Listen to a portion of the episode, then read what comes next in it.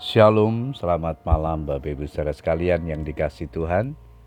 Kita bersyukur kepada Tuhan. Malam hari ini kembali kita berkesempatan berdoa kepada Tuhan. Setelah sepanjang hari ini kita menikmati segala kebaikannya dalam kehidupan kita. Malam hari ini sebelum berdoa, saya akan membagikan firman Tuhan yang diberikan tema bertekun dalam doa ayat mas kita di dalam Yesaya 56 ayat yang ketujuh, firman Tuhan berkata demikian, sebab rumahku akan disebut rumah doa bagi segala bangsa. Bapak Ibu Saudara sekalian, Daud adalah seorang yang sangat mencintai firman Tuhan. Seperti yang diungkapkannya dalam Mazmur 119 ayat yang ke-97, Betapa ku cintai Tauratmu, aku merenungkannya sepanjang hari. Karena bagi Daud, hidup tanpa firman Tuhan itu hidup seperti di dalam kegelapan yang pekat.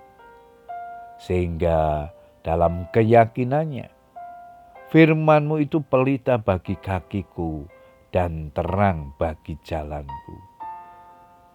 Demikian juga Tuhan mengingatkan kepada Yosua, "Janganlah engkau lupa memperkatakan kitab Taurat ini, tetapi renungkanlah itu siang dan malam, supaya engkau bertindak hati-hati sesuai dengan segala yang tertulis di dalamnya." Sebab dengan demikian perjalananmu akan berhasil dan engkau akan beruntung. Yosua 1 ayat yang ke-8. Sudah seharusnya kita memiliki komitmen untuk menjadi pelaku firman Tuhan. Supaya kita disebut berbahagia oleh setiap perbuatan yang kita lakukan sebagai bentuk ketaatan kepada Tuhan.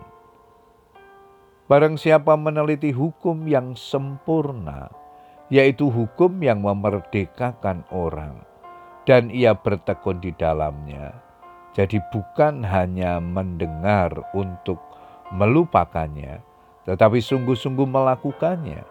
Ia akan berbahagia oleh perbuatannya. Yakobus 1 ayat 25. Komitmen hidup taat merupakan perekat hubungan kita dengan Tuhan. Sebab jika kita tidak bertekad untuk melakukan firman Tuhan, secara terus-menerus dalam waktu yang singkat, iman kita akan menjadi goyah dan kerohanian kita akan merosot. Komitmen inilah yang makin mendewasakan kita di dalam iman, sehingga kita semakin hari semakin bertekun di dalam Tuhan. Selain itu, kita harus bertekun di dalam doa. Doa yang dimaksud bukanlah doa yang syarat dengan kepentingan pribadi atau doa yang dilakukan hanya saat ada persoalan, melainkan doa yang dibangun setiap hari yang didasari kerinduan untuk bersekutu dan bergaul karib dengan Tuhan. Sehingga doa menjadi gaya hidup atau kebiasaan yang dilakukan setiap hari. Seperti yang dibiasakan oleh Daniel dalam kamar atasnya ada tingkap-tingkap yang terbuka ke arah Yerusalem. Tiga kali sehari ia berlutut, berdoa serta memuji Allahnya seperti yang biasa dilakukannya. Daniel 6 ayat yang ke-11. Seseorang yang belum dewasa rohani sangatlah sulit untuk selalu bergaul dengan Tuhan tetapi seorang yang dewasa rohani, dia tahu membangun persekutuan yang intim dan menjaga komunikasi dengan Tuhan. Doa-doanya pun syarat dengan pujian dan penyembahan kepadanya.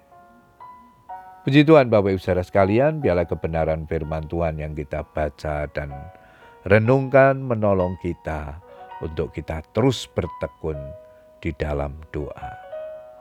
Selamat berdoa, Tuhan Yesus memberkati. Amin.